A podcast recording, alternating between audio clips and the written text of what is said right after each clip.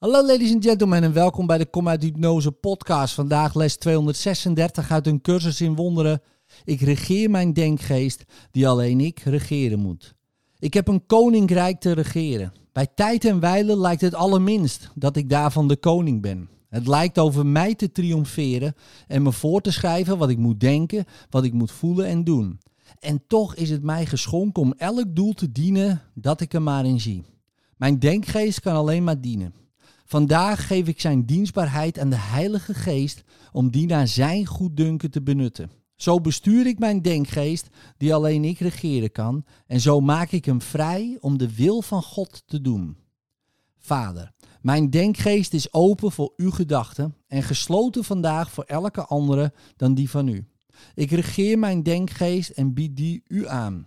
Aanvaard mijn geschenk, want het is het uwe aan mij. In liefde, tot morgen.